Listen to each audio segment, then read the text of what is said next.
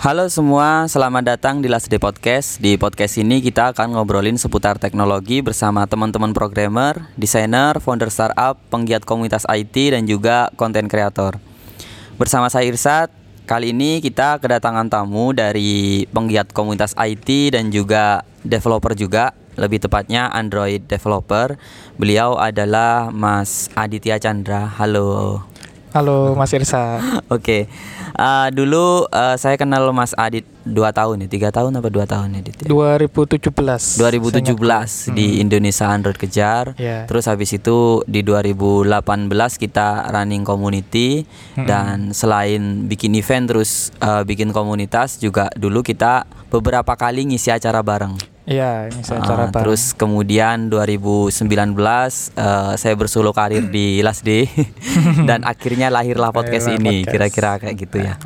Nah kali ini eh, kita akan ngobrolin seputar Android developer. Teman-teman sebenarnya beberapa waktu yang lalu saya sempat sharing di komunitas Sidoarjo developer itu rekamannya tentang Android developer versi saya sudah saya publish di eh, channel YouTube-nya Last Day di Last Day Indonesia di YouTube itu ada tapi sekarang kita akan eh, mengulik tentang Android developer dari versi yang berbeda pastinya nanti eh, dari tech stack dan pengalaman dan mengawali belajar codingnya pasti beda dan saya ucapkan selamat datang dan terima kasih kepada Mas Adit sudah bergabung di Last Day Podcast. Iya, terima kasih ya Mas, Mas Irsat. Oh. Aku agak nervous sih. Oh gitu ya. Oke oke. Kita mulai langsung dari perkenalan aja biar Mas Adit nggak Oke. nervous. Perkenalan bisa Mas Adit. Perkenalan Mas Adit siapa sekarang? Kesibukan kerjaan utamanya apa dan di luar itu Hmm. eh, sibuk di mana juga? Eh ya, nama saya Aditya Chandra ya, tadi dipanggil Adit ya. Emang itu panggilan saya. Eh kesibukan ya, Mas. Mm-mm, Sibuk kerjaan, saya sih kerjaan ya sekarang. kerjaan. masih remote Dan ya. ya bisa dibilang remote, bisa bi- kadang ke kantor, kadang di luar gitu, Oh tetap gitu. di Surabaya. Oke oke. Dan masih kuliah juga sih sebenarnya. Masih kuliah. Iya. Dulu sempat cuti sih kayaknya. Iya sempat cuti satu tahun. Tadi karena udah lama nggak ngobrol sama Adit, jadi eh, saya nanya dulu nih Hmm. masih ngoding Android apa enggak? Karena kita akan ngebahas Asik, Android, iya. jadi ya khawatir Mas Adit sudah. Kalau dulu, kalau nggak salah dulu kan sempet kita ngobrol bikin di YouTube, terus Mas Adit kan Hmm. bilang di situ full stack juga sebenarnya, jadi stack bukan juga, hanya ah, Android. iya, iya. Oke, tapi kali ini kita akan ngebahas Android. Mungkin Android. eh, keahlian yang lain kita jadikan episode baru nanti. Gak usah Android aja. Android Cukup. aja ya. Oke, mungkin eh, sekarang Mas Adit boleh cerita tentang gimana sih dulu pengalaman coding, eh, pengalaman belajar codingnya terutama di Android gitu ya Hmm. awalnya. Eh, kalau ngomongin pengalaman belajar itu sebenarnya nggak bisa dipisahin ya sama full stack ya. Oh gitu. Ya, iya, jadi eh dulu sejak SMK, SMK. Jadi SMK. saya dulu SMK di SMK Negeri 1 Surabaya. Mm, mm, mm. Itu eh pertama belajar itu ya di kelas, di kelas belajar ngoding, tahu ngoding itu HTML. HTML. Ya, ah. itu udah paling basic itu HTML. Itu kelas 1 dan pas di kelas 1 saya juga ikut ekskul namanya IT Club. IT Club. Di situ di Ah. situ belajar buat game. Ya, du- dulu kan apa zaman-zamannya G2ME, Mas. Oh iya Yang J2ME Java tuh Java. Micro Edition itu buat HP Java. Iya, Nah, ah, itu kita diajarin buat aplikasi di situ. Ah. Game sih, lebih Iya, tepatnya game. Eh, udah di itu pertama kali saya ngerti coding ya game itu G2ME jadi G2ME. bukan Android Bukan Ya, Android dan- tapi Java. iya. Tapi dulu aku kayaknya pernah nyoba, tapi kayak codingannya agak rumit sih gitu. iya kan rumit jadi ya? sebenarnya aku sendiri waktu itu mungkin nggak ngerti ya ini ya Ah, jadi ah. beda beda jadi dulu aku eh, nggak ngerti ini apa ya pokoknya di kopas ya Kopas, dari punya kakak ah. kelas yang ngajar cuman apa ya ya sedikit sedikit belajar itu pertama kali aku ngeliat codingan Java itu itu pertama kali banget Terus Dulu. kemudian setelah setelah itu belajar di sekolah kayak mirip-mirip sama kampus kan pelajarannya random gitu. Mm, tapi aku kan multimedia mas Oh multimedia, oke Iya. ini menarik ya.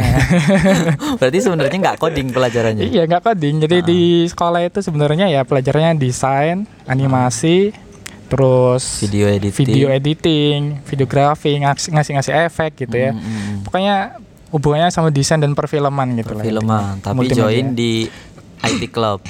tapi join di IT Club Oh ya. gitu. Nah, di IT Club sebenarnya eh ada divisi juga. Divisi eh, divisi kayak multimedia sendiri, Oh, RTL iya sendiri, Oh, TKJ ah, sendiri, ah, kayak gitu sebenarnya ada, tapi aku ikut yang RPL. Oh ikut yang beda jurusan. iya, gitu ya? beda jurusan. Oke oke. Nah, itu eh jadi di sekolah sebenarnya belajar ya basic. Jadi multimedia itu cuman diajarin web, cuman HTML, CSS, JavaScript pun enggak ya mungkin. Jadi PHP enggak ada sama sekali sebenarnya. Jadi semua itu aku pelajari waktu magang dulu itu. Oke. Sebelum magang itu selama sekolah sebenarnya aku ikut lomba-lomba gitu, Mas. Jadi kayak Lomba. majalah digital. Oh, oh. Jadi majalah digital itu kan kita harus atau HTML, CSS, JavaScript. Nah, itu Oh, iya. itu yang dulu pertama kali aku pelajari ya itu aja HTML, CSS, JavaScript. Mm-mm. Itu terus ya sampai akhirnya kelas 2 aku magang. Kelas 2 magang. Ya, kelas 2 magang. Pertama kali magang itu aku ditawarin dua antara Android Mm-mm. atau web. Atau web. Ya. Nah, normalnya pilih web kan karena sudah bisa ya. Ah iya iya. aku iya. pilih Android. Nah. Oh, gitu. Iya.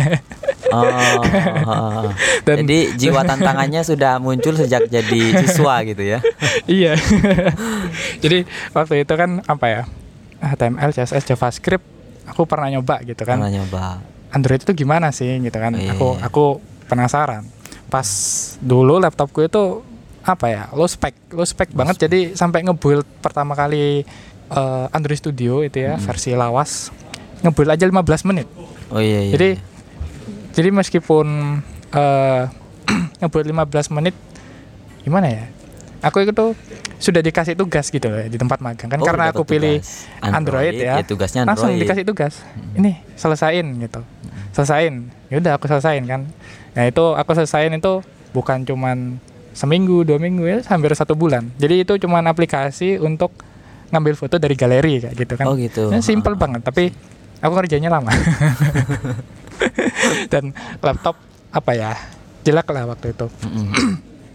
Dan di samping di samping nah ini ini kenapa tumbuh jiwa-jiwa full stack saya itu ketika ngerjain itu. Jadi di samping aku nganu Android, pas ngebuild itu kadang aku baca-baca tentang Laravel, Oh gitu. CI. Iya. Ah. Dulu kan baru Laravel 4 ya. Laravel Dan apa? Laravel 5 itu bener-bener baru dulu. Mm, mm, mm.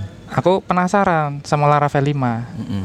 dan aku juga nggak tahu sama sekali Laravel 4 waktu itu. Mm. Nah, aku pelajarin eh, Laravel 5. Oh gini setupnya. Oh installnya gini. Tapi aku masih ngebul itu. Aku cuman baca-baca. Mm, mm, mm. Nah, terus eh, kadang eh, kadang juga aku coba. Kalau misalkan aku lagi malas Android ya, aku coba. Ya, makanya itu satu bulan itu selesai. dan dan magang itu selama tiga atau empat bulan kalau nggak salah ya itu kerjaanku cuman ke eh, belajar apa ya tugasnya itu Android aku juga belajar belajar web gitu lah Mm, jadi mm. jadi eh, seperti nyambe gitu. Entah mungkin beruntung ya dulu itu ngebuildnya lama ya. Oh, kalau iya ngebuildnya cepat mungkin aku nggak baca baca itu dan sejak itu eh mulai sih maksudnya mulai tertarik eh, untuk ngoding Android itu lebih dalam. Tapi setelah selesai magang ya sadar lah ya sadar kalau laptop ini nggak Laptop mumpuni ini ah. salah Laptop. satu yang Hmm. perlu eh, di highlight eh, belajar Android itu perlu spek yang tidak standar gitu Iya, ya, yang tidak standar. Dulu kan prosesorku cuman apa? 1 GHz gitu kan. Heeh, Dual heeh. core nah, itu Heeh. dan RAM 2 GB. Membayangin kan kayaknya. dan apa ya? Tahu diri sih aku waktu itu eh jadi ada kakak kelas yang apa ngasih kayak eh, project gitu loh, cuman Hmm. front end. Ya udah aku ambil gitu. Akhirnya setelah selesai magang, aku nggak megang Android lagi, tapi Mm-mm. aku masih pengen ngoding Android. Jadi selama menghabisi menghabiskan kelas 2, kelas 3 itu aku web terus. Jadi aku web Hmm. terus saat itu. Jadi eh inginku itu motivasiku satu-satunya itu beli laptop baru. Oh iya iya, biar bisa ngoding Android dengan Biar nyaman. bisa ngoding Android. ah. Ah, ah, ah, Nah ah. itu eh, gara-gara itu kan aku bisa apa web terus Hmm. sedikit kayak eh, belajar back end, front end. Jadi eh ya di situlah aku belajar sebenarnya. Dan skill multimedianya Jangan ditanyain aja. Oke. Uh, kemudian ini proses uh, dapat kerjaan pertama mungkin Mas Adit Hmm. bisa cerita. Mungkin kita cerita tentang kerjaan Androidnya mungkin ya. Hmm. Kerjaan Android dulu kan kita kalau kerja kan nyiapin portofolio. Hmm. Di samping kita diwawancara kan pasti kita ditanya project apa yang sudah dibuat gitu kan. Hmm. Lah prosesnya Mas Adit buat dapat kerjaan Android developer dulu untuk build portofolionya seperti apa? eh dulu kebetulan eh aku kan kenal anak-anak RPL ya. Nah, Mm-mm. Jadi deket dengan anak-anak RPL karena kalau mereka error mereka tanya ke aku. Oh gitu. Nah, padahal MM. Iya iya. nah, gara-gara itu kan ketika lulus, ketika lulus eh, teman RPL ku itu magang di tempat eh, perusahaan A anggaplah gitu. Mm-mm. Nah, perusahaan A ini ternyata temanku kerja di sana. Mm-mm. eh di sana itu mereka butuh programmer eh, yang junior gitu kan temanku ngerekomendasiin aku. Hmm. Nah, pertama kali dan ketika aku ke sana ternyata itu dosenku sendiri. Oh gitu. iya dosenku sendiri. Jadi aku kan eh, lulus SMK ya langsung masuk ke universitas kampus Narutama. Nah di situ eh di situ eh, Ada aku dosen. Sudah sudah tahu duluan berarti dosennya bukan berarti ya. eh belum sih. Jadi sebenarnya ketemuannya di Narutama Oh. Jadi aku di kampus, aku bingung loh. Kok ketemuannya di kampus gitu kan. Mm-mm. Pas aku ke kampus, emang kan pas eh, ada mata kuliah ya ketemu. Oh, Ah. ternyata dosen sendiri yang punya perusahaannya. Oh gitu. Nah, akhirnya itu pertama kali kerja di situ. Ya cuman ditanyain pernah buat apa kayak gitu. Ya ya.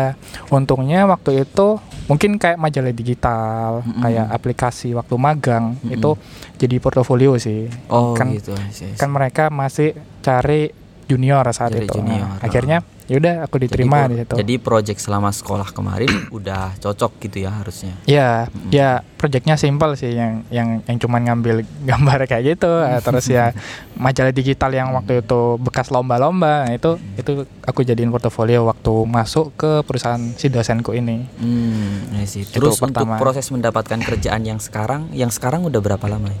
Yang sekarang ini satu tahun lebih ya Satu tahun kayaknya. lebih? Iya. Berarti dulu iya. dapatnya dulu eh sudah dua perusahaan sih sejak pertama itu. sejak pertama. Mm, dan ini perusahaan yang ketiga. Oh, ini yang Aku ketiga. yang ketiga Oke, ya. oke. Jadi waktu itu apa ya? Rasanya ketika di dosenku Mm-mm. itu aku full stack kan. Iya, jadi Pak. jadi tetap tetap terasa mengerjakan semuanya. Iya. Lelah gitu kan.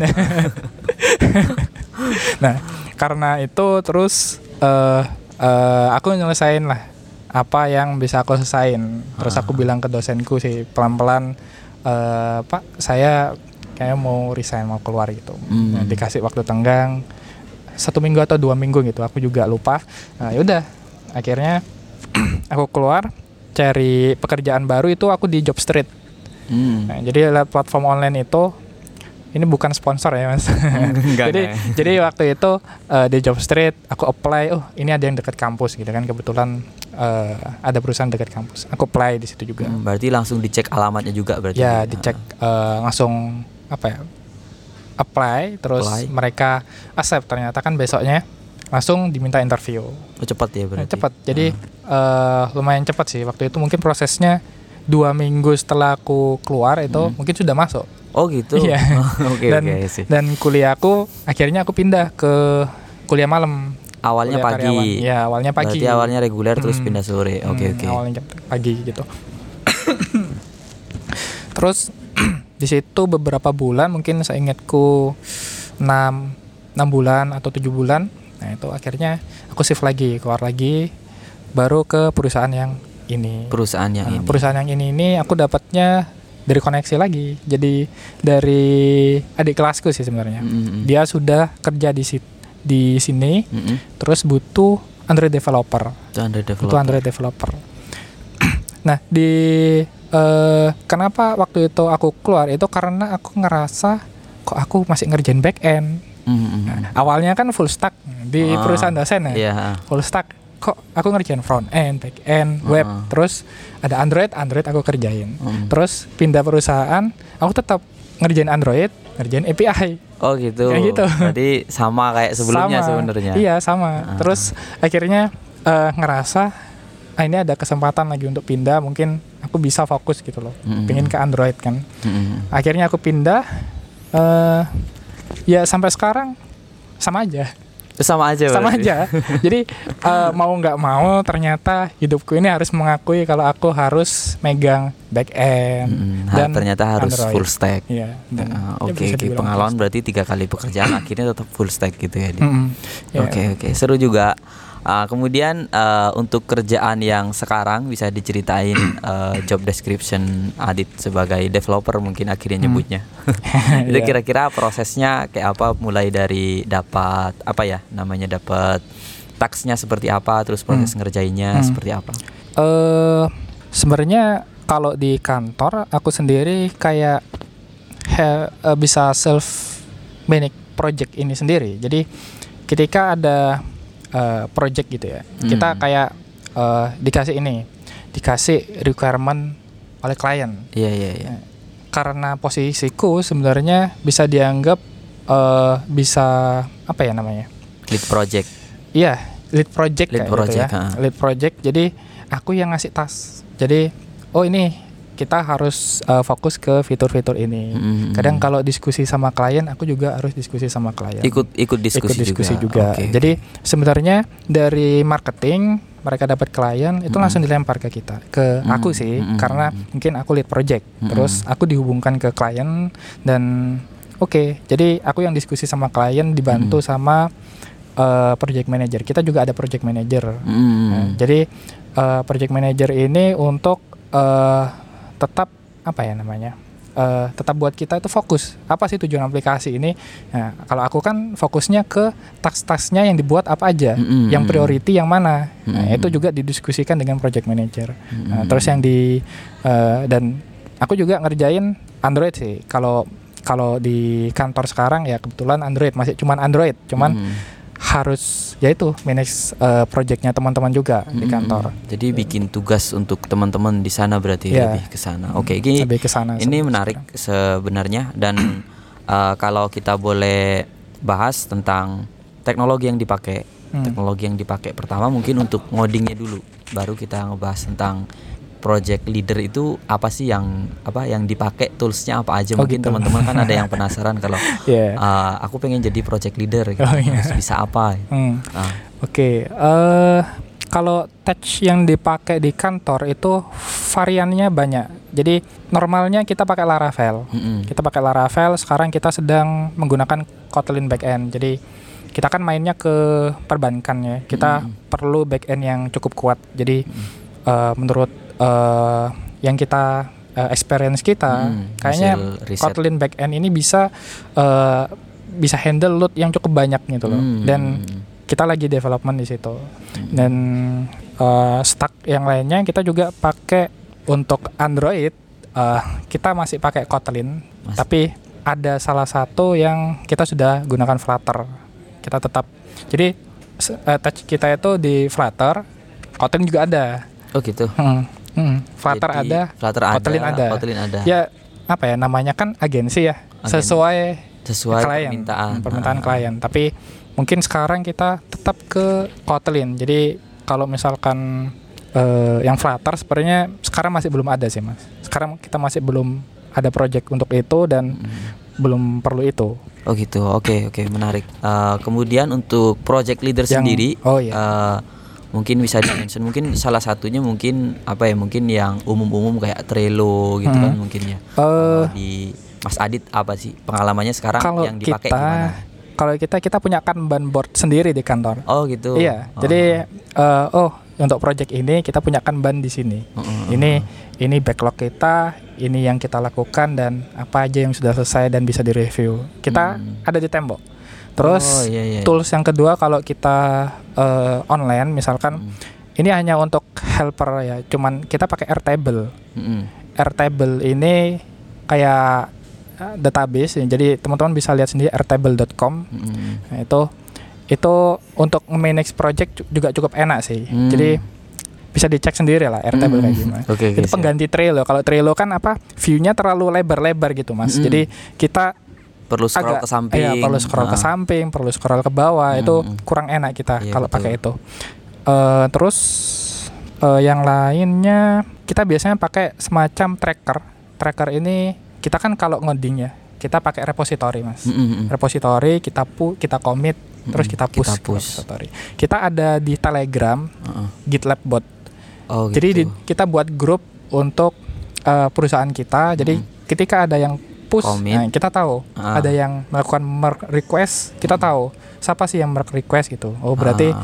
ini si A merge request. Nah Ah. ini berarti bisa di merge, bisa di review dulu. Mm, Jadi eh, kadang kan programmer itu malas ngomong ya mas. Misal, Mm. misal dia ngerjain fitur A, Heeh. fitur A ini selesai apa belum? Mm, mm. Mereka ngoding selesai, mereka nggak bilang, nggak bilang nggak bilang. Ah, tapi mereka Nah, push Tapi mereka push. Ah. Nah, itu gunanya GitLab Tracker itu. Hmm. Jadi ketika ada yang nge-push, oh kita tahu, oh ini selesai, Hmm. bisa di review kayak gitu, atau bisa kita coba di staging kayak gitu. Mm, Nah, itu sih tools yang kita pakai itu Kanban board yang pertama, terus Airtable dan ketiga GitLab Tracker itu. Hmm. Kita pakai GitLab sih. Oke oke, ini menarik banget. Terus kemudian eh, tadi Mas Adit juga mention tentang Flutter. Iya. Kalau dari versi Mas Adit selama pengalaman menggunakan native dan juga Flutter ini cross platform ya, Iya. cross platform. Hmm, Nah, kira-kira experience seperti apa sih yang dialami Mas Adit mungkin ya? Mungkin kan orang-orang mungkin beda-beda. gitu Iya iya. Nah, Kalau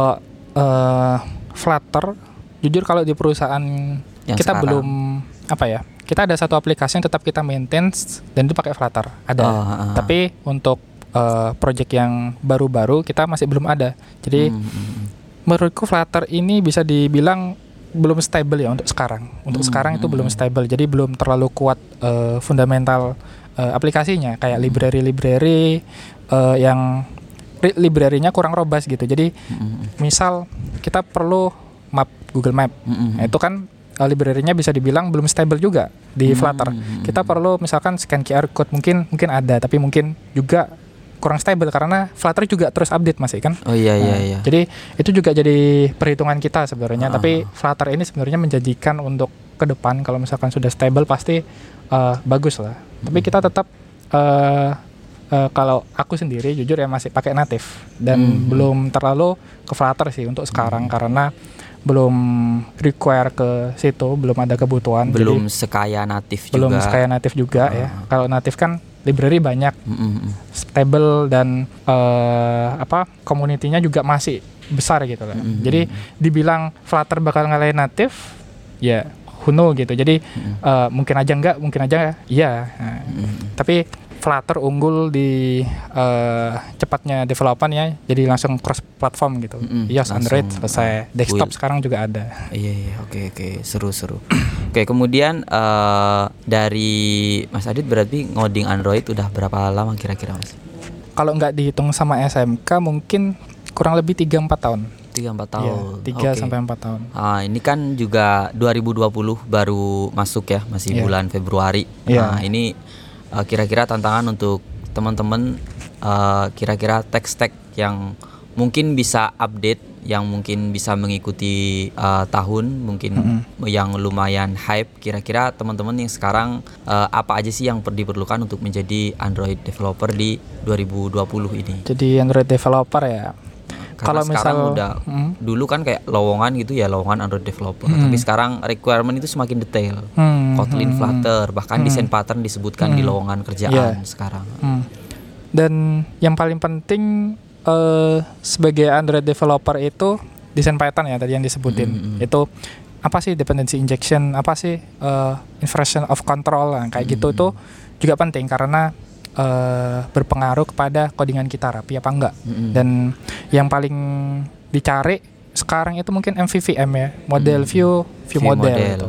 Mungkin ada teman yang masih pakai MVP atau Hmm. kamu masih pakai MVP itu it's okay sih untuk It's sekarang. okay, ah. Dan teknologi yang terbaru sekarang eh di Kotlin ya, pasti Android developer sekarang sudah pindah semua ke Kotlin mas. Mm-mm, Jadi eh, mulai gunakan Kotlin khususnya untuk asinkronus pakai coroutine. mm-mm. Nah, coroutine itu juga penting itu memudahkan sekali. Kalau pakai Java kan mungkin masih pakai asintas. Asyntax. Nah, itu itu eh, apa ya? akan memberikan dampak besar gitu loh ke Mm-mm. kita. Dan Jetpack, ya Jetpack juga Android Jetpack. eh, Android Jetpack itu banyak. Jadi Jetpack ini apa ya? sekumpulan sekumpulan library Android. Nah, dan di situ sudah mendukung eh, arsitektur MVVM. Mm-mm. Jadi a- ada room untuk database, Mm-mm. ada eh, ada untuk peggingnya sendiri, Mm-mm. ada banyak view model, ada dan Dagger Dagger juga eh, jadi salah satu yang perlu dipertimbangkan sih Mas untuk untuk dipelajari ke depan. Jadi eh, kalau boleh mengulangi ya tadi itu eh, yang pertama Kotlin ya. Kalau Kotlin. masih pakai Java, tentu saja kita pindah ke Kotlin. kita ya. Kotlin Terus eh, Kuriti, Coroutine dan eh, terus Jetpack dan library-library di dalamnya Jetpack lah itu Mm, perlu. banyak mulai Dan- dari database lokal dan lainnya juga banyak di Iya, itu sih. Sama itu arsitektur-arsitektur yang lagi populer sekarang ini. karena juga apa ya kalau mungkin kalau eh, karena kalau project udah jalan terus eh, kita nge-hire programmer terus ternyata dia buta tentang hal itu itu juga sebenarnya agak mengganggu juga Hmm, itu kan hmm. perlu ngajarin terus Hmm. habis itu proses ngajarinya kita kan nggak bisa estimasi waktu juga Mm-mm. Oke, teman-teman kalau punya waktu juga sebaiknya segera dipelajari mulai dari desain pattern, Hmm, kemudian Android pattern. Jetpack untuk memudahkan teman-teman uh, mendevelop aplikasi Android. Oke, dari pengalaman Mas Adit kan tadi udah lumayan ya pindah pin tiga kali pindah kerjaan itu termasuk banyak apa dikit ya? Eh, bergantung ya. Bergantung ya. Bergantung ya. Jadi, kalau menurutku Hmm. eh, masih sedikit sih. Soalnya yang eh, jaraknya itu tidak jauh. Maksudnya bukan bukan dua bulan keluar, Hmm, dua tiga minggu bulan gitu. keluar, dua minggu keluar. Kalau dua minggu kan? kayak kabur Eh, bukan keluar kayak. Karena seenggaknya kan eh, yang yang saat ini kan mungkin oh enam bulan, tujuh bulan. Jadi jaraknya itu agak besar meskipun eh, pokoknya nggak mingguan lah. Ya Kan ada yang seperti itu. Oke, kemudian eh, alasan Mas Adit mungkin sekarang masih tadi kan udah lumayan pindah dari satu perusahaan ke perusahaan lain, kemudian sekarang perusahaan yang ketiga gitu kan. Iya. Kira-kira apa sih faktor yang menyebabkan enjoy yang sekarang? Kita nggak ngebahas yang sebelumnya maksudnya kan, kita ngebahas yang positif. Iya, iya, iya. eh enjoynya itu sekarang kan aku kuliah ya jadi Hmm, kuliah. kuliah tentu kita banyak waktu juga di kelas Hmm. tugas nah di kantor ini cukup fleksibel ya jadi aku boleh ke kantor boleh nggak ke kantor Mm. mau kerjain di coworking space mau di cafe mau di mau ke Hmm. kantor pun boleh Hmm, tapi kalau misalkan ada yang urgent meeting baru, harus Baru ke harus ke kantor, misalnya kayak kantor. gitu. Nah, Oke, oke. enaknya begitu sih, fleksibel itu. mungkin Yang- itu sudah pengen ini ya sudah membayar ya sudah Iya. membayar enaknya enjoy karena Mas Adi juga masih aktif di komunitas juga akhirnya Iya. oke oke seru-seru oke kemudian eh, tadi udah kita ngebahas tentang Flutter dan Native atau Kotlin dan mungkin eh, resolusi mungkin ya resolusi Mas Adi di 2020 ini apa sih yang lagi dioprek atau akan dioprek apa ya? Aku tertarik ke sebenarnya pengen fokus ke itu ya, pengen nyoba Flutter ya, Mm-mm. pengen nyoba Flutter. Selain selain membuat aplikasi itu sebenarnya aku tertarik ke machine learning sama AI kayak gitu. Mm-mm. Jadi ke big data sama machine learning. Jadi itu kayak sesuatu yang belum aku sentuh. Mm-mm. Kan seperti tadi ya, kalau ada yang baru gitu aku kayak penasaran penasaran gitu nah. Hmm. Jadi itu juga eh, juga mendukung semester akhirku sekarang kan Oh, iya. kuliah. jadi aku juga perlu mikirin skripsi dan Hmm. itu sesuatu yang sebenarnya pengen aku sentuh. Dan di sisi lain aku juga pengen tetap eh, menguasai tetap fokus ke Android, Android, gitu. ah. Entah seperti apa karena eh, tentu kita sekarang nggak bisa pergi dari yang namanya mobile kan mo- Mm-mm. mobility seperti Mm-mm. ini itu nah, itu itu sih jadi tadi AI machine learning big data dan Android native Mm-mm. aku masih pengen di tahun ini sih megang Android native jadi Mm-mm. mau ke Flutter hmm, kayaknya belum sih mas belum gitu oh, oke kalau aku tim natif berarti ya ya Oke ini terakhir eh, referensi untuk teman-teman belajar. Mungkin Mas Adit biasanya browsing di mana itu kan? Hmm, yang hmm. mendukung yang sekarang pekerjaan mungkin. Eh browsing medium banyak. Medium banyak. Medium banyak. Ada lagi dev.to dev2 itu mas. Mm, Iya. Ya, terus eh sebenarnya di YouTube itu kadang aku suka ngelihat kayak conference yang di luar gitu mas, Mm-mm, kayak mm. Kotlin conference. Android conference kayak gitu. Itu juga kita lebih up to date ke teknologi-teknologi yang sekarang dan Stack Overflow ya. kita selalu ke situ ya, nggak nggak mungkin nggak ke situ. Oke oke ini eh, Udah cukup kayak ya. Uh, terakhir Mas Adit aktif di sosial media yang mana nih? Uh, yang mana ya? Sebenarnya aku itu Instagram ya bisa dibilang Instagram. Saya Hmm, Instagram. Tapi tapi nggak nggak nggak sering banget sih buka. Tapi Hmm. itulah yang kalau dibandingin yang lain Mm-mm. dan Telegram juga. Oh di Telegram. Ya, juga. Telegram itu paling mungkin aktif lah kalau bisa dibilang on on 24 per 7 Oke siap. Nanti Ya. kita kasih link uh, Instagramnya di deskripsi podcast ini. Uh, saya ucapkan terima kasih pada Mas Adit sudah sharing di Last Day Podcast. Ya. Uh, untuk teman-teman yang ada kritik dan saran boleh DM di Instagramnya Last Day L A Z D A Y I D dan see you guys. see you